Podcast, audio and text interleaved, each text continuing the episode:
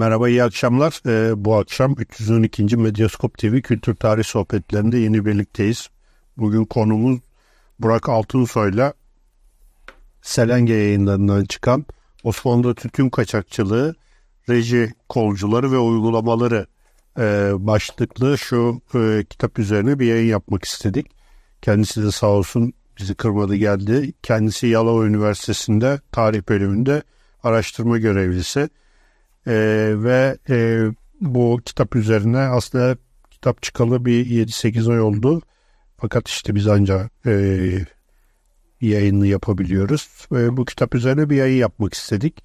E, bu yayının size ulaşmasında bize e, destek olan Masa uygulamasına başlamadan bir teşekkür etmek istiyorum ve ben ilk soruyu sorması için sözü Ozan'a veriyorum. Hoş geldin. Hoş bulduk. Evet. Ya, e, rejiyle alt başlık olarak reji kolcuları uygulamalar diyor ve tütünle alakalı aslında bir ufak böyle bir Osmanlı'da e, tütünün kısa macerasını alalım sonrasında da tabii reji nedir bir değildir onlara tabii. bakarız. E, tütünün hikayesi aslında Kristof Kolomb'un e, daha doğrusu Avrupa'ya ve Osmanlı'ya yayılması.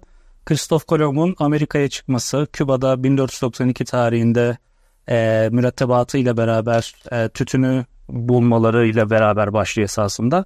E, Amerikan yerlerinin e, tütünü bir ayin malzemesi olarak kullandıklarını ve e, bu sayede çeşitli ayinler gerçekleştirdiklerini görmüş e, Kristof Kolomb ve mürettebatı. Daha sonra bunun farklı bir bitki olduğu, Avrupa'da bulunmayan bir bitki olduğu anlaşılınca bunun Avrupa'ya transferi gerçekleşiyor. Avrupa'ya taşınıyor. Tıpkı diğer bazı emtialar, bazı e, ürünler gibi. E, ardından bu çeşitli işte ilaç yapımında vesaire kullanılıyor. İşte e, sefir otu adıyla daha sonra hatta tanınıyor bu yüzden bir sefir vasıtasıyla ulaştığı için Avrupa'ya. Daha sonra İngiltere, İspanya kısa süre içerisinde bunu tütünü kullanmaya başlıyorlar ve tütünün keyif veren bir maddeden ziyade ilk etapta esasında bir ilaç olarak kullanıldığını biliyoruz biz. Ardından bu keyif veren madde olma özelliğine e, başvuruluyor. E, Osmanlı'ya gelişi ise İngiltere üzerinden olduğu hemen hemen kesin gibi yapılan araştırmalar bunu gösteriyor bize. Fakat tarihle alakalı çeşitli e, şeyler var. E, hem modern tarihçilerin hem de dönemin risalelerinden takip ettiğimiz kadarıyla çeşitli tarihler e, bahsediliyor Osmanlı'ya ne zaman geldiği ile alakalı. Kimden geldiği ile alakalı İngiltere dediğim gibi hemen hemen kesin bir şekilde.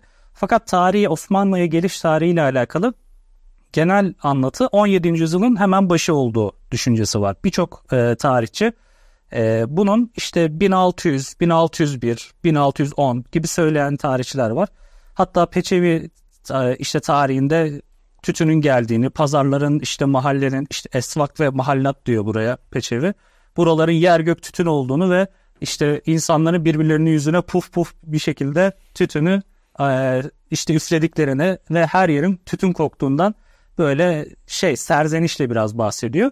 E, genel anlatı 1600'lerin başı itibariyle Osmanlı'ya geldi. Fakat e, Fehmi Hoca'nın Marmara Üniversitesi'nin Fehmi Yılmaz'ın doktora tezinde bunun biraz daha erken bir tarihte Osmanlı'ya geldiğine dair bir anlatı var. Bunun da işte 1570'ler civarı oldu. Ki bu makul gözüküyor gerçekten çünkü e, o dönemde alınan işte vergiler, tütünden alınan vergiler var. 1580'lerde alınan vergiler var. E, 1600'de geldiğine dair bu bunu şey yapmış oluyor, yanlışlamış oluyor. E, işte hatta bir elçiye Osmanlı el, elçisinin başka bir e, ülkeye giderken e, tütün hediye ettiğine dair gene 1500'lerin sonu itibariyle bir anlatı var. E, ve 1590'ların sonlarından itibaren artık Anadolu'nun birçok yerinde tütünün yaygınlaşmaya başladığını, ekiminin yapıldığını ve kullanılmaya başlandığını net bir şekilde görüyoruz. Haliyle Osmanlı'ya geliş tarihi açısından 1600'lerden ziyade 1570'leri baz almak daha doğru olacaktır. E, fakat tütünün gelmesiyle beraber tabii ilk başta e, bilinmeyen bir şey tütün. Haliyle buna karşı e, devletin bir refleksif tavrı oluşuyor. Yani bu ürün nedir, e, ne işe yarar ve sonuçları nelerdir şeklinde bir refleksif tavrı oluşuyor. Bu da şöyle 1609 yılından itibaren artık tütünün kullanımını yasaklandığını görüyoruz biz. Çok erken bir tarih. Aslında tütün geldikten çok kısa bir süre sonra hemen yasaklanıyor e, birinci Ahmet zamanında. Dolayısıyla tütünün yasaklanmasının tabii gerekçeleri var. Bunları uzun uzadıya konumuz olmadığı için girmeyeceğim fakat e, Osmanlı Devleti'nin e, buna karşı bir tavır gerçekleştirdiğini ve bunun da birazdan detaylıca konuşuruz belki bir kaçakçılığa dönüşmeye başladı. Yani tütünün nasıl bir şey yasaklandığı zaman o şey piyasada azalır haliyle de o şey değerlenmeye başlar. İşte 1609'daki bu yasak Osmanlı Devleti'nde ilk tütün kaçakçılığının da esasında başlama tarihi. Yani biz Osmanlı tütün kaçakçılığını konuşacaksak esasında 17. yüzyılın ilk başına kadar gitmemiz gerekecek. Yani 1609 tarihinde ilk tütün kaçakçılığının gerçekleştiğini biliyoruz biz. Bu kadar erken bir tarih. Yani aslında 1610'larda 15'lerde Osmanlı'ya tütün geldi anlatısının e, doğru olmadığını da buradan anlıyoruz. Çok da erken tarihte tütün gelmiş, yayılmış ve yasaklanmış bile artık. Hatta kaçakçılığa başlamış. Hatta kaçakçılık bile başlamış 1609 tarihinde. E, ve bu süreçte 1649'a kadar devam etmiş. Daha sonra Osmanlı'nın çeşitli bölgelerinde tütün tabi e, üretimi yapılmaya başlanmış. E, ve bu üretim beraberinde ama Osmanlı içerisinde ilaçla beraber keyif veren bir madde olarak da kullanılmış tabii ki tütün. Ve kısa süre içerisinde Osmanlı'nın bütün satına yayılmış. Osmanlı Devleti'nin genel manada e, işte daha küçük plantasyonlar kurduğunu düşündüğümüz zaman tütünün kontrolü yani üretiminin kontrolü de esasında biraz zor oluyordu. Yani şimdi siz bu üretimi yasaklayacaksınız belki bir yerde tütün üretimini. Fakat e, nasıl yasaklayacaksınız? Çok küçük yerlerde bile, çok küçük tarlalarda bile tütün üretiyor insanlar. Yani Osmanlı Devleti böyle belki Ortaçağ Avrupa'sındaki veya e, erken modern dönemdeki gibi Avrupa'da olduğu gibi çok geniş bir e, plantasyonun olduğu bir e, yapıya sahip değil. Tarımsal üretime sahip değil. Daha küçük, daha işte e, bir dönüm, iki dönümlük hatta yarım dönümlük yerlerde bile tütünün yapıldığını biliyoruz. Ee, özetleyecek olursak Osmanlı'ya tütünün gelişinin İngiltere vasıtasıyla olduğu 1570'ler itibariyle oldu ve 1609'dan itibaren de ilk kez yasaklandığını, tütün üretiminin yasaklandığını ve hemen ardından da bu tütün kaçakçılığının gerçekleştiğini biliyoruz biz. Evet. Şimdi sizin kitabınızın çerçevesi biraz daha yakın zamanlar tabii. Evet. Ee, modern zamanlar. Çünkü siz e, bu kitapta reji kolcuları denilen e, bir e, örgütlenmenin e, faaliyetlerini inceliyorsunuz. Tabii bu şimdi reji kolculuğu denilen şey halk arasında böyle türkülere, manilere e, yansımış, folklore yansımış çok da hayırlı anılmayan bir e, faaliyet. Şimdi bu faaliyet nasıl başlamış? E, bunun işte Osmanlı maliyesinin bozulmasıyla reji idaresinin kurulması ve işte bu vergi meseleleri çerçevesinde baktığımız zaman e, bu kolculuk müessesesi nasıl ortaya çıktığını biraz e, şey yaparsanız daha sonra bu uygulamaları da Tabii. belki biraz Şimdi kolcu dediğimiz kavram öncelikle çok genel bir kavram Osmanlı Devleti'nde. İç güvenliği sağlayan birçok alanda kolcu tabirinin kullandığını, kullanıldığını biliyoruz biz. İşte rüsumat kolcuları var, gümrük kolcuları var. E, ve işte duyun umumiyelerde kurulduğu zaman duyun umumiye kolcuları, cizye kolcuları vesaire. Yani kolculuk tabiri esasında Osmanlı Devleti'nde genel e, çok daha geniş manası olan bir şey. Reji kolcuları tabi birazdan daha detaylı konuşuruz. Onlara da kolcu denmiş. E, bu reji idaresinin kurulmasının esasında geçmişi tabii ki Osmanlı Devleti'nin ekonomisinin bozulmasıyla ilintili. Çünkü Osmanlı Devleti de e, yani merkantilist ekonomiye ayak uyduramamasının bir sonucu olarak Osmanlı Devleti'nin ekonomisi yavaş yavaş Avrupa ile baş edememeye başlıyor ki bunun işte e, Mehmet Genc'in meşhur işte fiskalizm, provizyonizm vesaire gibi iyaşecilik gibi kavramlarının Osmanlı'da ısrarla devam ettirilmeye çalışmasının merkantilist politikayla uyuşmaması bir, bir yönüyle bu şeye sebep oluyor. Bu ekonomik çöküntüye sebep oluyor. 18. yüzyıl bir dönüm noktası bu noktada Osmanlı'nın zayıflaması. Tabi bu sırada şeyi de konuşmak lazım. Tütün çok fazla vergi alınan bir emtia. Yani hı hı. E, Osmanlı ekonomisinin e, hem en önemli ihraç şeylerinden bir tanesi ilerleyen zamanlarda hem de çok ciddi bir vergi toplanıyor buradan. Dolayısıyla e, yani tütünün gelişmesi, tütüncülük sektörünün e, ve üretiminin gelişmesi Osmanlı'nın hayrına olan bir şey ama gene kaçakçılığa biraz konuyu bağlayacağım. Osmanlı ne zaman vergiyi birazcık artırsa hemen mesele kaçakçılığa bağlanıyor. Yani insanlar o vergiden kaçmak adına üreticiler hemen kaçakçılık yapıyorlar. Bu bahsi diğer tabii onu ilerleyen şeylerde konuşuruz. Ee, Osmanlı'nın ekonomisi artık 19. yüzyılda yani sadece siyasi askeri çöküntü değil haliyle ekonomik çöküntü de 19. yüzyılla beraber kendini iyiden iyiye belli etmeye başlıyor.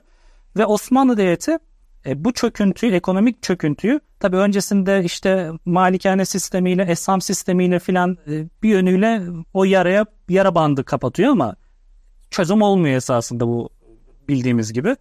İlerleyen zamanlarda ise artık borçlanma, istikraz dediğimiz bir şeye girişmesi gerekiyor Osmanlı'nın ve ilk Osmanlı iç borç alıyor. Bunu da Galata bankerlerinden alıyor. Zarife Efendi vesaire bunlar en bilindik Galata bankerleri. Bunlardan iç borç alıyor. Ee, daha sonra bunlar artık Osmanlı'nın bu ekonomik şeyine yetmemeye başlıyor. Yani gidişatı. Çünkü 19. yüzyılın hepimizin bildiği gibi savaşlar dönemi. Yani çökü, çöküşler, çöküntünün başladığı, iç karışıklıkların başladığı ve yoğun uzun savaşların gerçekleştiği. Gerçi Osmanlı'nın her döneminde bunu söyleyebiliriz ama 19. yüzyılda artık Rusya gibi güçlü bir devlet e, peyda oluyor. Dolayısıyla Osmanlı Devleti'nin bu dönemde artık ekonomik anlamda ciddi sıkıntılar yaşadığını biliyoruz. İç borç haliyle yani Galata bankerlerinden alınan borç çok da işe yaramıyor. Haliyle yavaştan böyle şeyler konuşulmaya başlanıyor. Acaba yabancı devletlerden de şey alsak mı? Yani borç alsak mı? Şimdi bu zamana kadar hiç bu konuşulmamıştı 19. yüzyıla gelene kadar. Yani belki 1700'lerin sonlarında bir yönüyle konuşulmuştu ama hemen konu kapanmıştı devlet adamları tarafından. Fakat artık 19. yüzyılda 1800'lerden itibaren bu iyiden iyiye dillendirilmeye başlanan bir mesele haline geliyor. Yani dış borç alalım mı meselesi. İlk başta bu birkaç kez padişahlar tarafından e, reddediliyor Abdülmecit zamanında. Fakat e, Kırım Savaşı 1853-56 Kırım Savaşı kaçınılmaz olarak e, bir dış borcu doğuruyor ve 1854 yılında ilk dış borç alınıyor. Fakat dış borçların şöyle bir özelliği var. E, Osmanlı 1854'ten 1875'e kadar yani konkordato ilan edip de iflasını ben artık ödeyemiyorum borçlarımı diyene kadar geçen sürede e, defalarca dış borç alıyor ama aldığı dış borçlar atıyorum mesela 230 milyon lira ise Osmanlı parasına göre söylüyorum. Bunun belki de yarısı Osmanlı'nın eline geçiyor.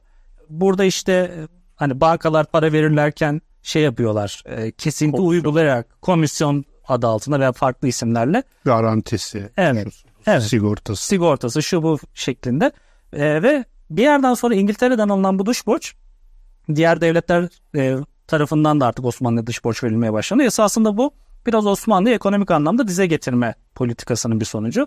Fakat Osmanlı Devleti çok kısa bir süre içerisinde yani çünkü aldığı paraları mesela Kırım Savaşı'nda ilk aldığı borcun neredeyse tamamını savaş giderlerini finanse ediyor. Dolayısıyla aslında gerekli olan diğer harcamalar e, çok da karşılanamıyor. Mesela şey vardır.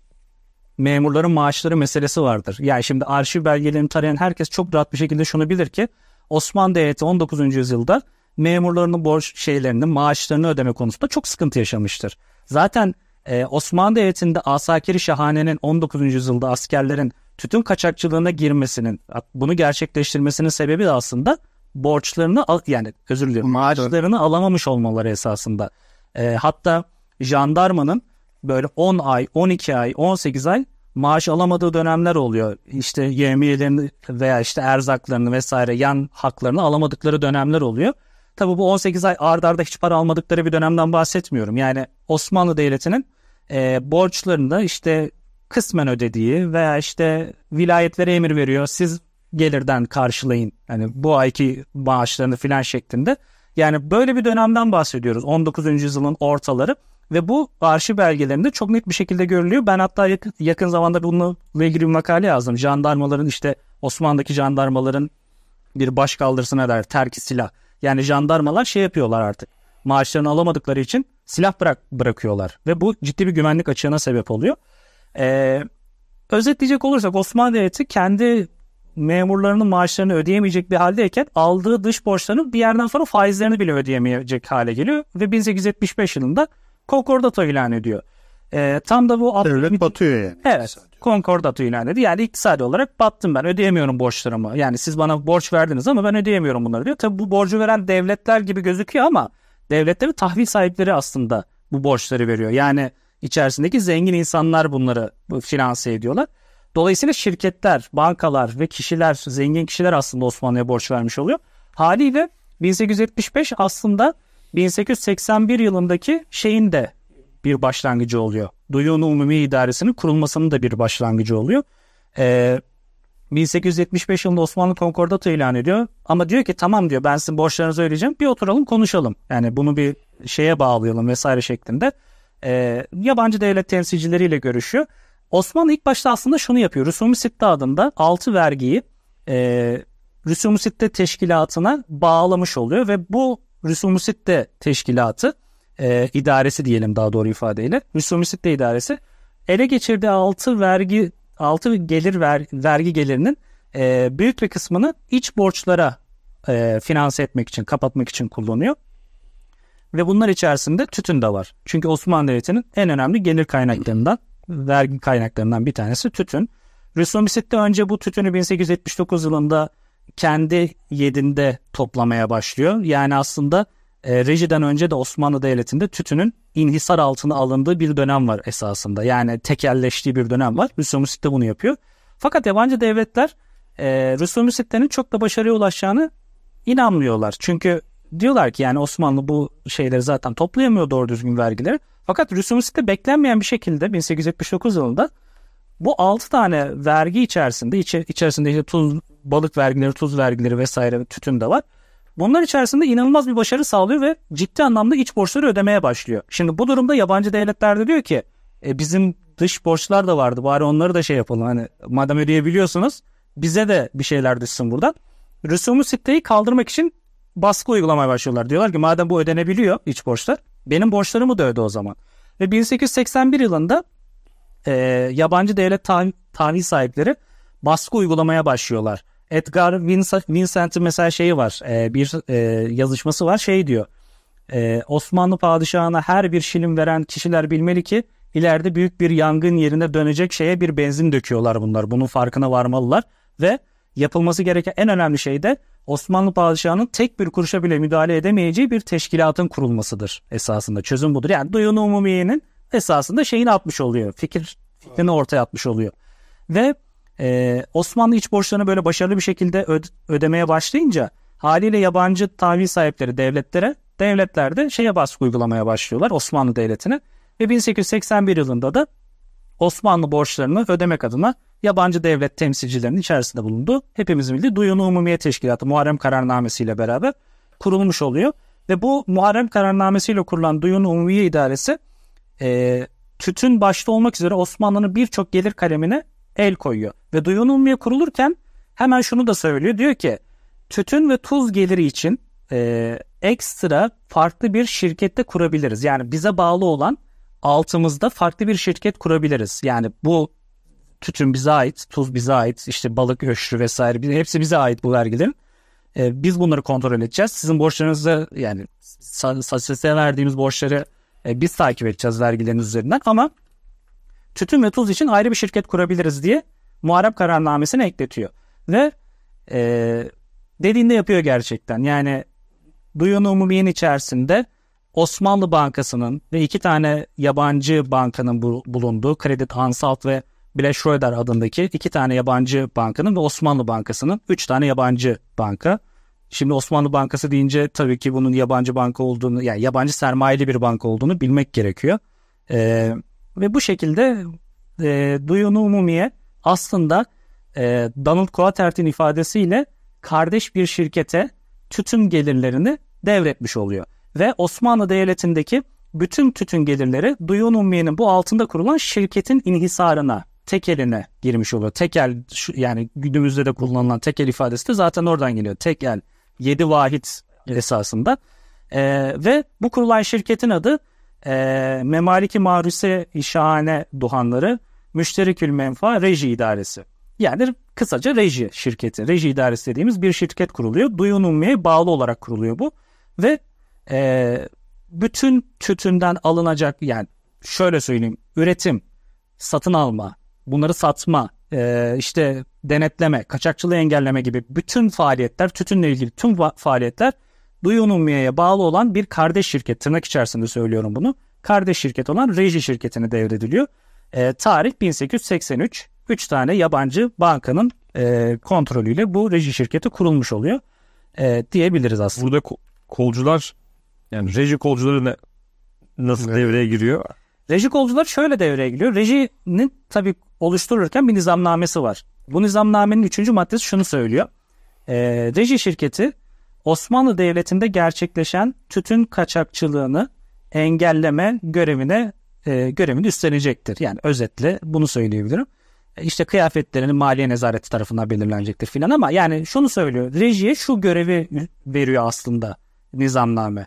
Diyor ki madem tütündeki bütün gelir sana ait reji şirketi olarak sen bunu üstleniyorsun e, ve bu aldığın topladığın vergiler karşılığında duyun ummiyeye hükümete belli paralar vereceksin.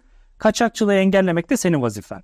Yani nizamname Osmanlı hükümeti bunu şeye dikte ediyor aslında. Nizamname ekletmiş oluyor. Üçüncü maddesini ekletmiş oluyor.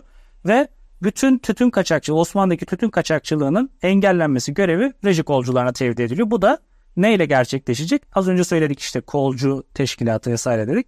Reji kolcularının oluşumu da esasında bununla başlamış oluyor. Burada şeyi soracağım. Bu reji e, şirketi kurulduktan sonra vergi oranlarını belirliyor mu yoksa var olan vergi oranlarından mı devam ediyorlar işte şeyde tütünde tuzda yani şöyle eğer o alınan toplanan, vergi. toplanan vergi miktarı belli ama bunların dağılımı esasında nizamnameye konuluyor. Şöyle Duyunum diyor ki 750 bin lira bana gelecek her sene. Yani ne kadar vergi toplarsan topla 750 bin lirası bana ait. Yani o vergiler sabit bir şekilde duyun aktarılıyor.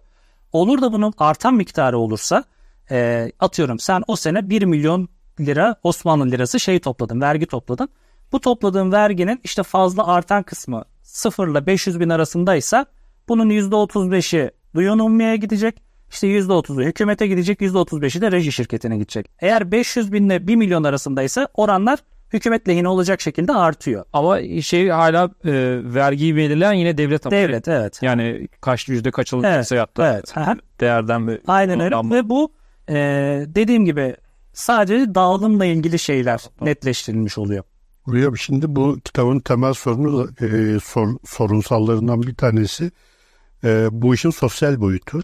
Şimdi bu mesela e, reji kolculuğu meselesinin reji idaresine devredilmesi tamamen bir egemenlik devri aslında. Yani şimdi modern bir devlette böyle bir şey olamaz. Yani normalde olmaması gerekir. Çünkü zaten bununla ilgili hani e, şimdi sizin kitabınızda şey yapan korkunç rakamlar var. Mesela 20 bin ila 90 bin kişinin çatışmalarda öldüğü gibi bu işte neredeyse 35-40 yıl içinde veya 50 neyse işte ve bir nevi iç savaş gibi bir durum var yani. Böyle yarı iç savaş gibi böyle paramiliter böyle bir, bir takım gruplar işte suç çeteleri e, bunun karşısında e, tütün kaçakçılığı yapan köylülerle işte bu kolcular arasındaki çatışmalar falan filan. Ya burada çok net olarak bir sosyal dokunun bozulması meselesiyle karşılaşıyoruz. Ya buradan baktığımız zaman e, hani siz kitabınızda zaman zaman söylüyorsunuz işte Abdülhamit de bu işten biraz rahatsızdı vesaire falan filan ama yani normalde zaten baştan bu hakkı verdiğin zaman e, bu kaçakçılığı da sen önüne dediğin zaman ki e, kolcuların nasıl işe alındığı meselesi işte bu sabıkalılar hani amiyane tabirle ipten kazıktan kurtulmuş adamları eline silah verip kolcu yapıyorsun. Biraz bu süreçleri anlatabilir misiniz? Ya bu sosyal dokunun bozulması e, toplumda nasıl karşılık buluyor? Bu iç çatışmalar ne gibi sonuçlar doğuruyor vesaire? Nereden seçiliyor kolcular? Tabii yani evet. şöyle kitabın dediğiniz gibi ana sorunsalı esasında bu. E, reji kolcularının yaratmış olduğu infial esasında toplumsal infial. E, bu reji kolcularının çalışma meselesi aslında ben böyle tarih kitaplarını, lise tarih kitaplarını kurcalamayı seviyorum. Orada pasajlar oluyor böyle okuma pasajları. 11. sınıf tarih ders kitabında şeyi gördüm ben. İşte reji kolcuları e, Osmanlı halkını işkence eden ve onları işte öldüren şey bir e, hal almaya başladılar işte korkunç bir hal almaya başladılar filan gibi bir pasaj vardı. Hı hı. Bu işte 19. yüzyıl Osmanlı ekonomik kısmını anlatırken. Şimdi reji kolcularla ben ilk burada karşılaşmış oldum. Ve hani bu esasında ilgimi çekti. Nasıl oluyor yani Osmanlı toplumunda işkence yapan ve birilerini öldüren bir teşkilat var. Reji biraz ilgimi çekmeye başladı bu teşkilat, idare. Ee, dediğiniz gibi esasında 20 bin ila 90 bin tabi bu sayılar afaki sayılar bana soracak olursanız. Ee, hatta şey filan ifadeleri de geçiyor Osmanlı basında. Ee, Osmanlı Ziraat ve Ticaret Gazetesi özellikle bu sayıları veriyor. Şey diyor 90 bin kişi öldü. Bunu işte evlatlarıyla sakat kalanla şunda bununla toplarsanız 300 bin kişiyi de etkiledi, 500 bin kişiyi etkiledi gibi böyle rakamlar da veriyor. E, sayıların netliği konusunda soru işaretleri var. Çünkü e, kırsal bölgelerde nasıl çatışmalar yaşandığı ve bunların kayıt altına nasıl alındığını bilmiyoruz biz. Yani e, haliyle bu rakamın tam olarak tespit edilmesi çok söz konusu değil. 90 bin bu arada Meclis Mebusan'da da bu ifadeler konuşuluyor. 90 bin kişi öldür, 90 bin, 90 bin. Bu ifade dediğim gibi Osmanlı Ziraat ve Ticaret Gazetesi. Valla 20 bin bile çok 20 bin. korkunç bir rakam yani. Hani- Az bir rakam olmadı kesin. Evet. Ee, etki itibariyle çok yüksek bir sayıdan bahsediyoruz. Bu nasıl bu şekle dönüştü? Esasında reji idaresi e, kaçak bir kere en başta reji idaresine kaçakçılığı engelleme vazifesinin verilmesi en başta hatalıydı. Çünkü bu 16 az önce konuştuk 1609'dan beri gelen bir mesele. Yani 3 200 yıllık 280 yıllık bir meselenin bir yeni kurulmuş hem de yabancı menşeili bir şirket tarafından çözülmesini beklemek en başta bir kere hataydı. İkinci hata şu. Reji idaresi kurulurken nizamnamesi bir kere ben, yani bence yanlış hazırlandı şu açıdan. Rejinin üstlenemeyeceği misyonlar kendisine yüklenmiş oldu. Osmanlı ülke yani ülkenin tamamındaki tütünün satın alınması vazifesi verildi. Yani sen tekelsin artık. Dolayısıyla her üreten sana şeyini satmak zorunda. Eğer ihraç edecek değilse tüccara da verebilir öyle bir ihtimal de var ama kalan herkes rejiye şey satmak zorunda. E, tütünü satmak zorunda. Şimdi rejinin böyle bir şeyi yok. Sermayesi yok. Artı kar etmek istiyor bu şirket. İşte müşterekül menfa, e, ortak e, şeyler, faydalar ismi. Dolayısıyla bu şirket kar etmek zorunda ki duyunulmuyor olan 750 bin lirasını ödesin. Artı kendi personeline maaşlar ödesin vesaire. Şimdi kolcuya bağlayacağım meseleyi. Nizamname hazırlanırken zaten hani hatalı hazırlandı. Rejiye yapabileceğinin çok üzerinde bir misyon yüklendi. Ve açık konuşmak gerekirse rejide kendisine yüklenen bu misyonu gerçekleştirirken çok büyük hatalar yaptı reji idaresi. Yani bir, biraz da risk almışlar. Yani Evet. o para paranın yani e, verdikleri parayı bir an önce geriye almak ve bir anlamda Osmanlı e, tarımını sömürgeleştirmek için de böyle bir risk almayı bu, bu bir hani şey tüccar iştahı da diyebiliriz yani bir yandan. bir yönüyle öyle. Bu biraz tabii Osmanlı dış borçlarıyla da az önce anlattığımız meseleyle de ilintili ama e, bir de şey de çok sıkıntı esasında. Şimdi kaçakçı dediğin kim? Yani reji şirketine göre kaçakçı kim biliyor musunuz? Kaçakçı ruhsatname almayan, rejiden ruhsatname almayan. Halbuki adam belki okuma yazma bilmiyor. Ruhsatnamenin şeyinden haberi yok. Yani Kavala'daki köydeki bir adam reji diye bir şeyin belki varlığından bile haberdar değil ki ruhsatname nerede kalsın. Reji diyor ki sen ruhsatnamen yoksa kaçak, kaçakçısın. Yarım dönümden küçük yerde ekiyorsan ki bu çok yaygındı Osmanlı Devleti'nde ama reji bunu nizamname bunu yasakladı. Yarım dönümden düşük kesinlikle şey yapamazsın. Kaçakçısın. Eğer ruhsatname almadan e, şey satıyorsan, tütün satıyorsan tüccar olarak kaçakçısın. Sen nakliye yaparken rejinin bilgisi dışında nak- naklediyorsan kaçakçısın. E, işte kaçakçılık mefhumu esasında ya zaten kaçakçılık diye bir olgu var Osmanlı'da tütün kaçakçılığı. Öteden beri var ama e, o kadar muğlak bir hale getirmiş ki reji bu meseleyi. Bu sefer de kolcuların da eline böyle şeyleri vermiş, silahları vermiş. Yetki de var. Ha, yetkiyi de vermiş tamam mı? Peki ben şunu soracağım hocam. Şimdi mesela adamlar üst, üst arıyorlar ve üstünde tütün. Kendi içeceği tütüne bile kaçakçı diye. Evet. Yani O yüzden kadın kadın kolcular da Evet, aynen öyle. Yani, yani o- üzerindeki e, tütün yani kendi içeceği bir paket sigarayı bile kaçakçı muamelesi. Kaçakçı var ve 40 e, Mecidi de şey veriyor, ceza veriyor. Ya onlar en basiti. Hani üstünü aramak en basit eylem. Yani şiş alıp yor yani mesela adam şey yapıyor bir yerden bir yere gidiyor. Atlarıyla, devesiyle, yorganına şey yapmış filan, yorganını almış, şeyini almış, yastığını almış. Kaçak şey diyor ki kolcu durun bakalım bir bakalım hani siz bel- belki de kaçak tütün şey. Şişe alıyor böyle. Paldır küldür şeye batırmaya başlıyor. Yani içindeki eşyaları perişan ediyor mesela. Veya işte daha uç örnekleri de var. Ya ek, bunu Osmanlı basında ta- tarayanlar bilirler. Ee, ekmek şeyinde çantasında adam bir şey taşımıyor veya taşıyorsa bile kendi içeceği sigarayı taşıyor veya tütünü taşıyor. Kolcunun bir tanesi yapışıyor bunun yakasına. O çantayı ipini böyle boğazına geçirip sıkmaya başlıyor. Basın bunu anlatırken şey diyor. Garibim adam diyor o kadar perişandı ki zor kendini kolcunun elinden kurtardı. Ee, ve kurtardığında da boynu simsiyah olmuştu kulağından da kan geliyordu. Ya bu tür böyle işgal yani hani şeylere belgelere baksak böyle ben bir kısmını kitaba almaya çalıştım. Daha bir sürü şeyler de var. Yani öyle bir şeyle karşılaşıyoruz ki kolcu e, profiliyle karşılaşıyoruz ki gerçekten hiç düşünmeden insan öldürebilecek. Zaten bunları seçilirken de kitapta biraz ona da o yüzden ekledim. Bunlar seçilirken de daha böyle işte suça meyilli, silah kullanmaktan çekinmeyen, Sabıkalı. sabıkalı tipler. E, bunlardan seçiliyor daha çok. Osmanlı kimlerin seçileceğine müdahale edemiyor. Reji bunları seçiyor. Ama genellikle sabıkalı kişileri seçmeyin diye şey veriyor. Hani tavsiyede bulunabiliyor en fazla. Ama baştan vermiş bir kere bu etkiyi yani. Baştan o etki gitmiş oluyor. Haliyle o kolcuların bu kadar e, keyfi davranmasının sebebi aslında yabancı bir şirkete, reji şirketine bağlı olması. Abdülhamit meselesinde de Abdülhamit belgenin diliyle söylüyorum. Reji şirketi için hükümet içinde hükümet diyor. Belgede aynen böyle yazıyor. Yıldız Sarayı tasnifinde bulduğum belgede bu bu şekilde ifade geçiyordu. Hükümet içinde hükümet tabirini kullanıyor. Gerçekten reji şirketi Osmanlı Devleti'nin en büyük yabancı şirketi. Personel çalıştırması mesela 11 bine yakın personeli var reji şirketinin.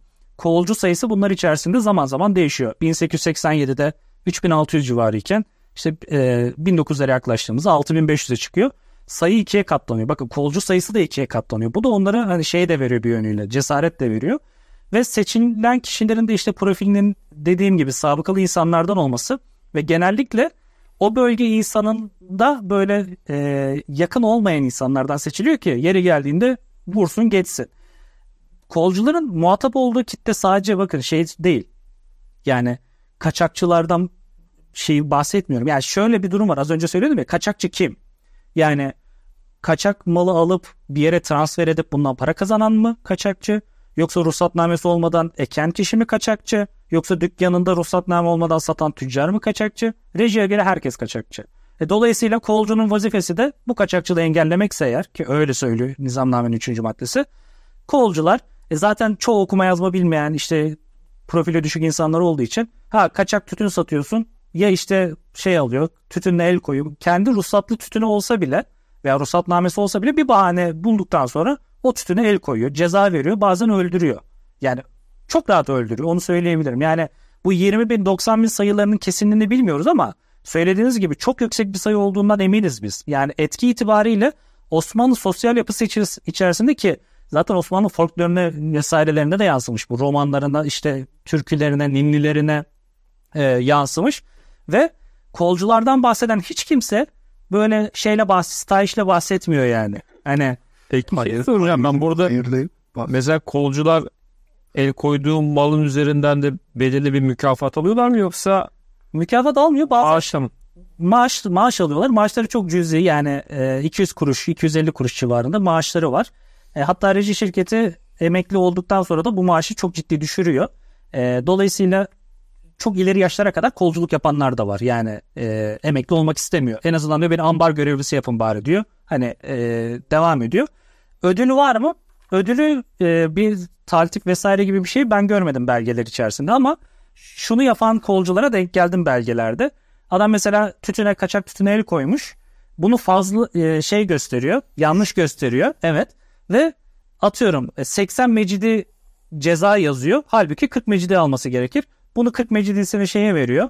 E, reji idaresine veriyor. 40'ını da kendi alıyor mesela. Yani şey göstererek rakamda oynayarak mesela yakaladığı tütünün rakamında Ya Oynama yapalım. o tütünü belki kendisi satıyor. belki de kendisi satıyor dediğiniz gibi. Yani kaçakçı kendisi oluyor aslında. Yani kaçakçılığı engellemesi gereken Öyle olur genelde. kaçakçılık yapmış oluyor. İnsanlar biliyordu kimin, ka- kimin Yani. kaçakçı olduğunu falan. Evet. Evet. Şimdi hocam bu e, büt- alınan bütün bu önlemlere rağmen sizin kitabınızda ilginç bir şey var. Mesela 1890'da reji idaresinin e, toplam işlediği şey 6 milyon kilo. Kaçakçıların 12 milyon kilo. Yani hiçbir önlem bu kaçakçılığı engellemeye de yetmiyor. Bunun arkasında herhalde bir yani e, toplumsal tepki de var. Yani adam normal yasa olarak ekeceği varsa da belki de ekmiyor yani. Veya işte en azından o riski alıyor gibi bir durum mu söz konusu? yani? Şöyle kaçakçılık e, hem kaçakçı açısından ayıngacı deniliyor bunların bir kısmına. Hem kaçakçı açısından hem de üretici açısından çok karlı. Üretici ruhsatname ile uğraşmıyor. Ruhsatname için ekstra bir para vermesi gerekiyor. Bunu vermiyor. E, yarım dönümden kısa küçük yerlerde de tarım yapabiliyor. Haliyle üretici için her şey çok güzel. Vergi de vermiyor. Öşür vergisi vesaire herhangi bir vergi de vermiyor. Bu çok güzel. Kaçakçı açısından da her şey çok güzel. Çünkü e, o ayıngacı dediğimiz insanlar için. Çünkü e, herhangi bir vergi ödemediği için tütüncü normalde rejiye vereceğinden daha uyguna kaçakçıya veriyor e, üretici olan kişi. Haliyle daha uyguna aldığı için kaçakçı daha uyguna da satabiliyor. Yani rejinin sattığı sigaralar, tütünler kaçakçıların sattığına nazaran daha pahalı ve daha kalitesiz. Üretici daha güzellerini kaçakçıya ayırıyor, e, daha kötülerini rejiye veriyor. Bu dediğiniz gibi bir toplumsal tepkinin yansıması gerçekten.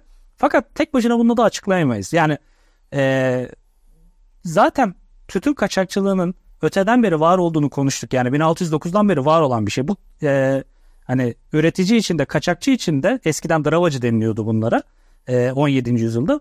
Karlı bir şey. Yani vergiden bypass ediyorsun devleti aradan. Dolayısıyla şey oluyor. Yani, Yani kaçak ekonomisi var. Yani kesinlikle. yani şeyde tabii de tütünün ekildiği yerlerde burada gördüğünüz kadar Batı Ege işte İzmir, işte Aydın Ve Bitlis'te falan da o civarda değil mi Bitlis'te? Hava genel Anadolu'nun bütün satı ama yoğun olarak e, Ege, Balkanlar. kaçak olarak çünkü o şöyle bir durum da var.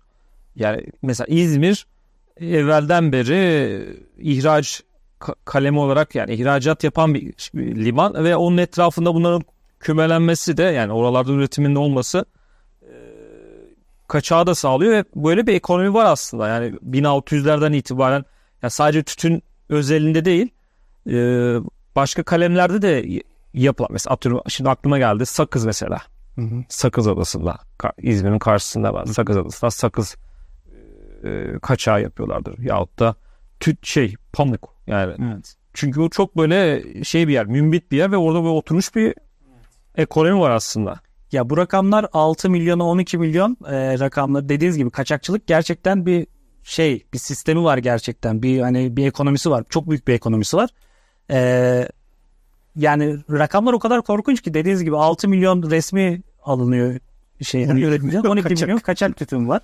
E, şey filan var Donald Quatert'in kitabında e, Osmanlı Avrupa İktisadi Yayılımı ve Direniş diye kitabı var. Çok önemli bir kitaptır. Zaten kolculukla ilgili en önemli bilgiler de hemen hemen o kitapta yer almakta. Ee, orada mesela şey de diyor. Ee, Sivas'ta üretilen şeylerin, e, tütünlerin %80'i kaçağa gidiyordu diyor. Mesela %80 rakamını telaffuz ediyor. Mesela diyor ki İzmit nüfusunun e, tütün tüketen kişilerinin %80'i kaçak tütün tüketiyor, tüketiyordu diyor. Hatta size daha hani Osmanlı'da kaçak tütün ne kadar yaygınlaştığına dair daha çarpıcı bir şey söyleyeyim. E, Louis Rambert e, şeyin reji şirketinin baş müdürü, genel müdürü şey yapıyor. Bir ara maliye nezaretinde işi düşüyor. Çok çünkü reji ile maliye nezareti birbiriyle hep böyle diplo şey olarak yazışan şeyler. Ee, maliye nazırının odasına giriyor Louis Rambert. Şey görüyor. Maliye nazırı sigara içiyor. Bir bakıyor kaçak sigara içiyor. Sonra diyor ki Louis Rambert alalarında diyor ki ben de diyor adama gittim ki kaçakçılıkla ilgili ne yapabiliriz konuşmak için. Halbuki diyor bana gözümün önünde kaçak sigara içiyor. Ben ileride bunun hesabını ona sorarım işte. İleride ben bunu şey yapacağım. Adam maliye nazırı da, da şaka yapmış. Bak işte ben de kaçak sigara içiyorum tarzı. şaka yapmış. Ee, anılarında bahsediyor bundan. Yani hani o kadar yaygın ve o kadar normal karşılanıyor. Yani şey de var. İnsanlar yaptığı şey kaçak şey yani kaçak tütün olduğunu da farkında değil. Çünkü reji öyle bir şey koyuyor ki hani e, daha doğrusu nizamname diyeyim. Öyle şartlar koyuyor ki adam yani kendi çapında kendi bahçesinde tütün üretip kendine üretebil ya kendine üretse bile bunu ta- kaçak gözüyle bakıyor.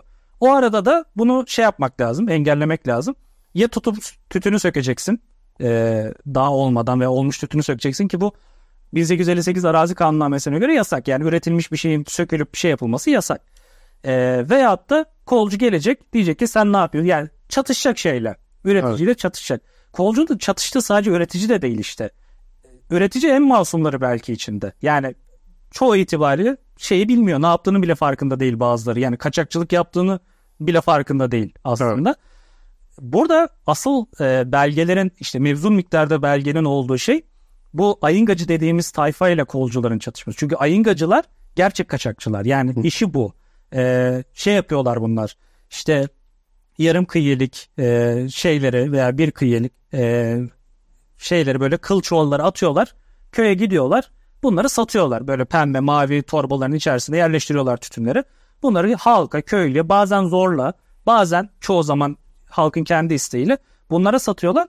Ve asıl belgelerin yoğunlaştığı kısım da burası aslında. Kolcuların ayıngacılarla yani tütün kaçakçılarıyla çatışması. Çünkü ikisinde de silah var. Yani o hani 91 rakamı telaffuz ediliyor ya. Burada ölen kişilerin e, büyük bir çoğunluğu kolculardan ve ayıngacı dediğimiz kişilerde yani üreticiden ziyade bu silahlı çatışmalarda çok fazla insan hayatını kaybediyor. Ve kaçakçıların e, reji kolcularından çok da e, e, nasıl diyeyim mücehhez bir şekilde çatıştıklarını yani daha teşkilatlı daha böyle silahlarını yeni Martin tüfekleri vesaire filan ellerinde işte revolverler filan var. Daha böyle şeyler kaçakçılar profesyoneller e, ve bu işi artık şey haline getirmişler. Yani meslekleri olmuş adamların artık. Evet. Dolayısıyla e, asıl yoğun çatışmalar buralarda gerçekleşiyor. Yani bu iki grup arasında kolcularla şey arasında e, tütün kaçakçıları arasında gerçekleşiyor. Ama dediğim gibi üreticiye de çatıyor kolcular. Normal askere de mesela çatıyorlar. Yani bir bölümü zaten özür dilerim bir bölümü zaten ona ayırdım. Askerlerle yani kolcu giriyor. Mesela şu an çok şey geliyor bize ütopik geliyor böyle.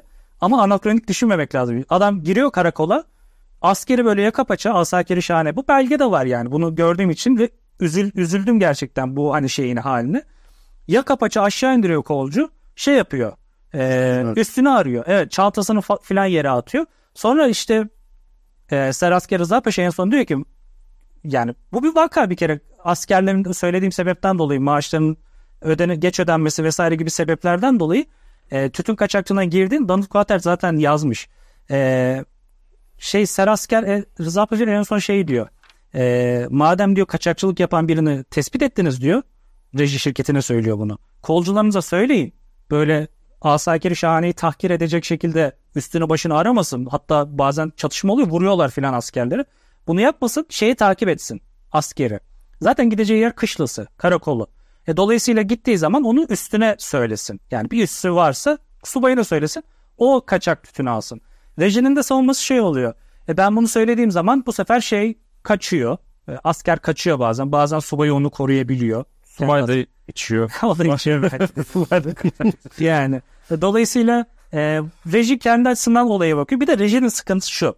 E, Nizamnamenin gene 3. maddesinde Osmanlı Devleti reji şirketine muavenet ediyor. Yani yardım edeceğini taahhüt ediyor. Yani diyor ki kaçakçılığı engelleyeceğiniz tamam kolcu şirketi, kolcu teşkilatı kurun. Ama diyor ben de size yardım edeceğim diyor Osmanlı Devleti. Bunu taahhüt ediyor.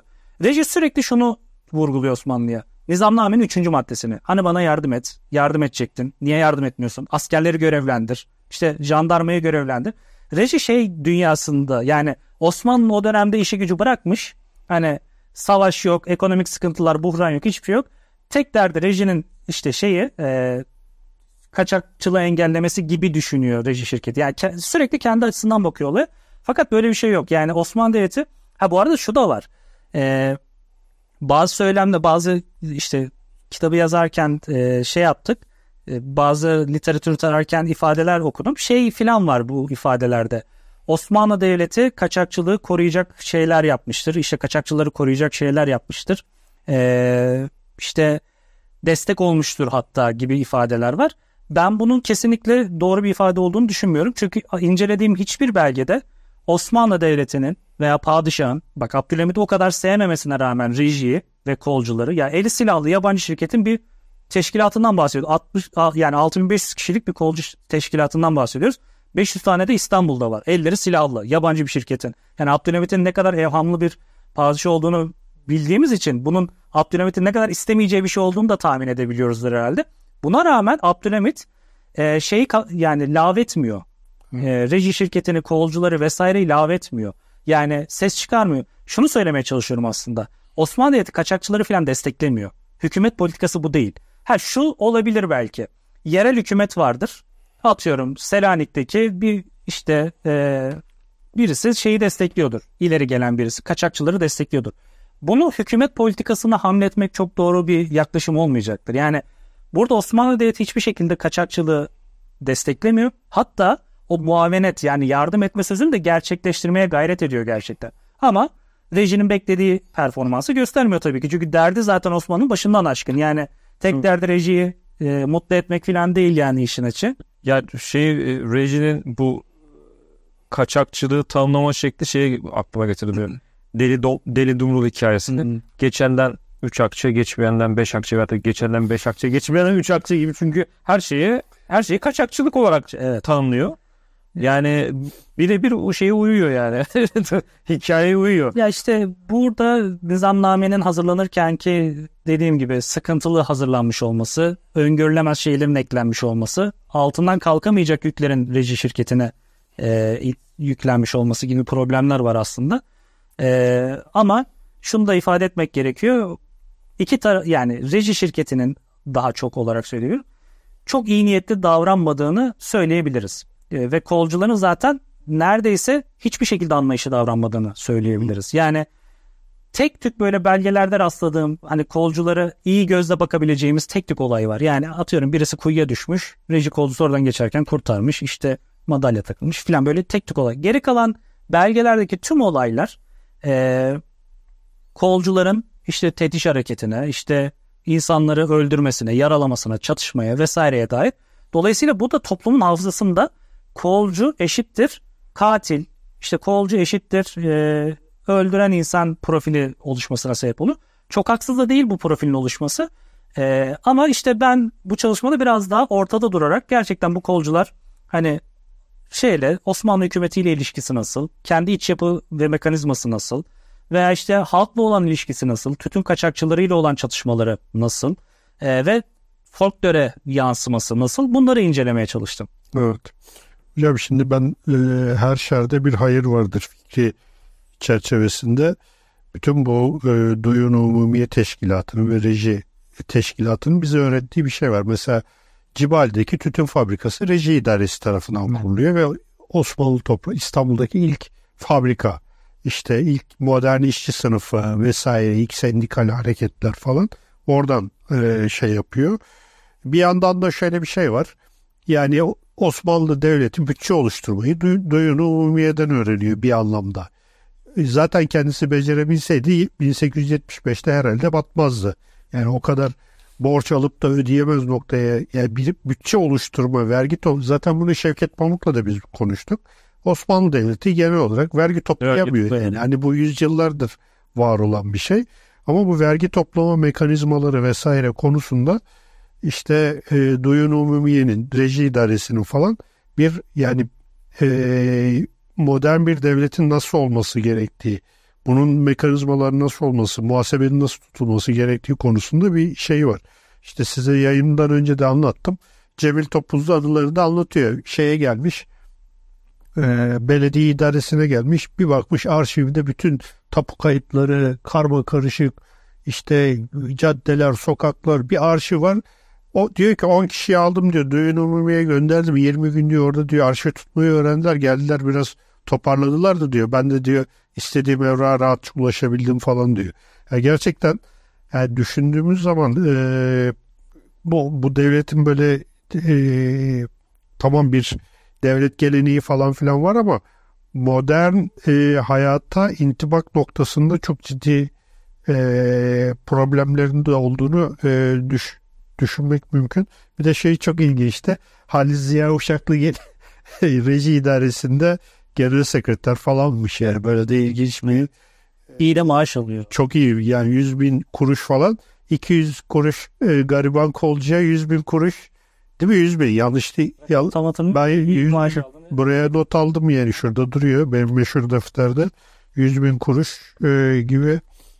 40 yıl e, Evet. Pardon 10 bin kuruş 10 bin kuruş e, maaş almış reji e, genel müdürü başkatip olarak. Hı hı. Bu da ilginç bir şey. E, hocam ben soru olarak şunu sormak istiyorum. Şimdi bu reji, e, bu kolcuların etnik kökenleri vesaire e, bazı ger, gerilimlere de yol açıyor. Sonuçta Osmanlı'nın böyle etnik problemlerinin de böyle e, berraklaştığı bir dönem o dönem. Mesela Ermeni kolcuları istemiyor Osmanlı e, vesaire. Bu profil nasıl oluşmuş? Ya şöyle Ermeni kolcuları istememesi. Ya şöyle bir kere o kolcuların tamamının Osmanlı tebaası olduğunu biliyoruz biz. Ee, Osmanlı tebaası deyince içerisinde sadece Türklerin olmadığı da malum. E, dolayısıyla farklı etnik kökenden insanların kolculuk e, içerisine girdiğini biliyoruz.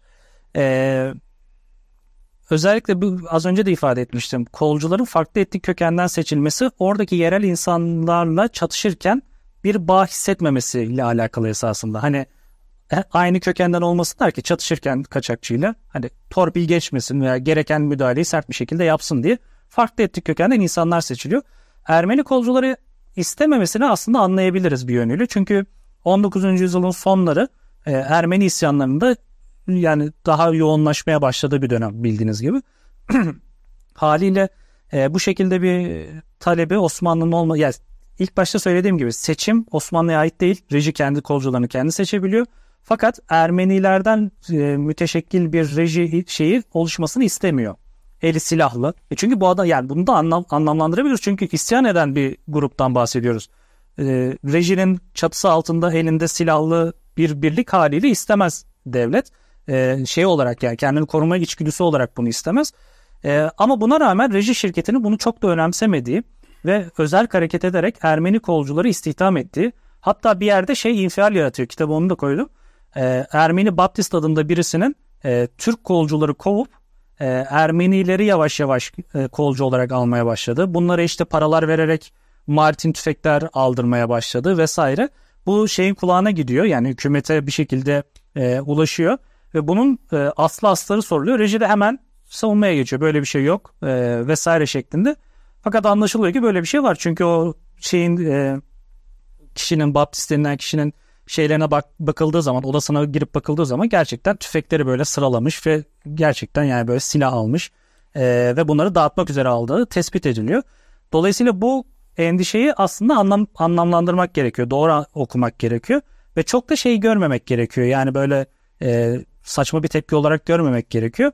Farklı etnik köken e, derken işte Pomaklar, e, Çerkezler özellikle çok yoğun olarak istihdam ediliyor şeyde. Arnavutlar hatta basın özellikle şey filan diyor bunlar için dalga geçme sadedinde. İşte bunlar diyor e, selam versen selamını almayacak Arnavutlardır vesaire filan diyor.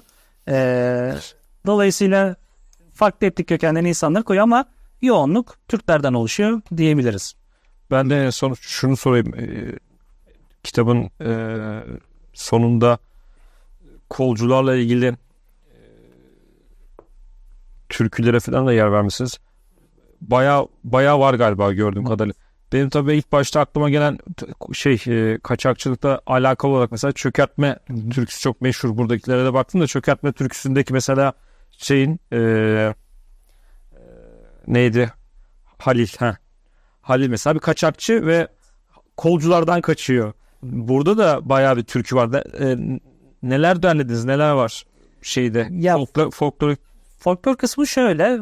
Türküler e, ya bir kere türküleri şey olarak halkın hafızası olarak okuduğumuz zaman e, reji kolcularının e, olumsuz bir şekilde e, ya türkülerde geçmesini çok norm yani anla, evet. anlayabiliyoruz. Çünkü rejilerin halk nazarındaki karşılığı da çok olumsuz aslında. Dolayısıyla hemen hemen hiçbir türküde kolcular e, böyle olumlu bir şekilde bahsedilmiyor. E, bu sadece türkülerde de değil, ninnilerde, farklı işte e, tekerlemelerde, ağıtlarda vesaire e, şeyleri görebiliyoruz. Kolculara dair şeyler hatta oyunlarda da görebiliyoruz. Abdurrahman halayında vesaire filan da görebiliyoruz. Yani bunların aslında e, halkın şeyi kolculara karşı bakışını göstermesi açısından önemli. Türkülerin genelinde genelinde değil hemen hemen tamamında e, kaçakçıların birer halk kahramanı, kolcuların ise mücadele edilmesi gereken katiller vasfıyla e, olduğunu görüyoruz. Çünkü şimdi normal şartlarda baktığımızda kaçakçı suç işleyen birisi devlet nazarında yakalanması, tard edilmesi gereken vesaire bir kişi. E, ama halkın nazarında öyle değil. Halkın nazarında e, kaçakçı reji kolcusuna karşı yabancı bir şirketin e, adamına karşı tırnak içerisinde söylüyorum mücadele eden bir kahraman olarak görülüyor. Türkülerin genelinde bunu rahatlıkla görebiliyoruz. E, ama dediğim gibi e, bu şey tamamen işte halkın e, kolculara bakışıyla da ilintili okumak gerekiyor bunu. Evet hocam çok teşekkür ederiz. Yavaş yavaş bitirelim. Ben teşekkür ederim. Ee, bizim sorularımız herhalde evet. bitti. Sizin son olarak söylemek istediğiniz bir şey varsa alalım daha söyleyin. Ben çok memnun oldum davet ettiğiniz için. Ee, güzel bir sohbet olduğunu düşünüyorum. Ee, ilginç bir konuyu anlamlandırmaya gayret ettim. Yani su götürür bir konuyu çözmeye çalıştığımı düşünüyorum. Ee, bundan önce bu konu çok çalışılmıştı. Fakat kolcu şeyi, kolcu yapısı müstakilen çalışılmamıştı. E, hep tezlerde, çalışmalarının içerisinde bölümlerde geçmişti. Bu sosyal yapıya damga vurmuş bu e, teşkilatın bir panoramasını çizmeye gayret ettim. E, sizler de beni ağırladınız. E, çok teşekkür ediyorum. Akademik çalışmaların geneli böyle bir yankı odasında bağırma sadedinde oluyor genelde. Çok böyle e, ufak bir kitleye hitap ediyor malumunuz. Bu tip böyle yayınlar vasıtasıyla sizler sayesinde de e, meramımızı anlatabiliyoruz. O açıdan çok teşekkür ederim sizlere. Biz teşekkür ederiz bizim yayınımıza katıldığınız için. Bugün e, 312. Medyaskop TV Kültür Tarih Sohbetlerinde Burak Altunsoy ile beraberdik. Kendisinin Selenge yayınlarından çıkan Osmanlı Tütün Kaçakçılığı başlıklı kitabı üzerine e, bir yayın yapmaya çalıştık. Bizi izlediğiniz için hepinize çok teşekkür ediyoruz ve e, yayınımıza destek olan Masap uygulamasına ve Patreon destekçilerimize de tabii ayrıca teşekkür ediyoruz. İyi akşamlar diliyoruz.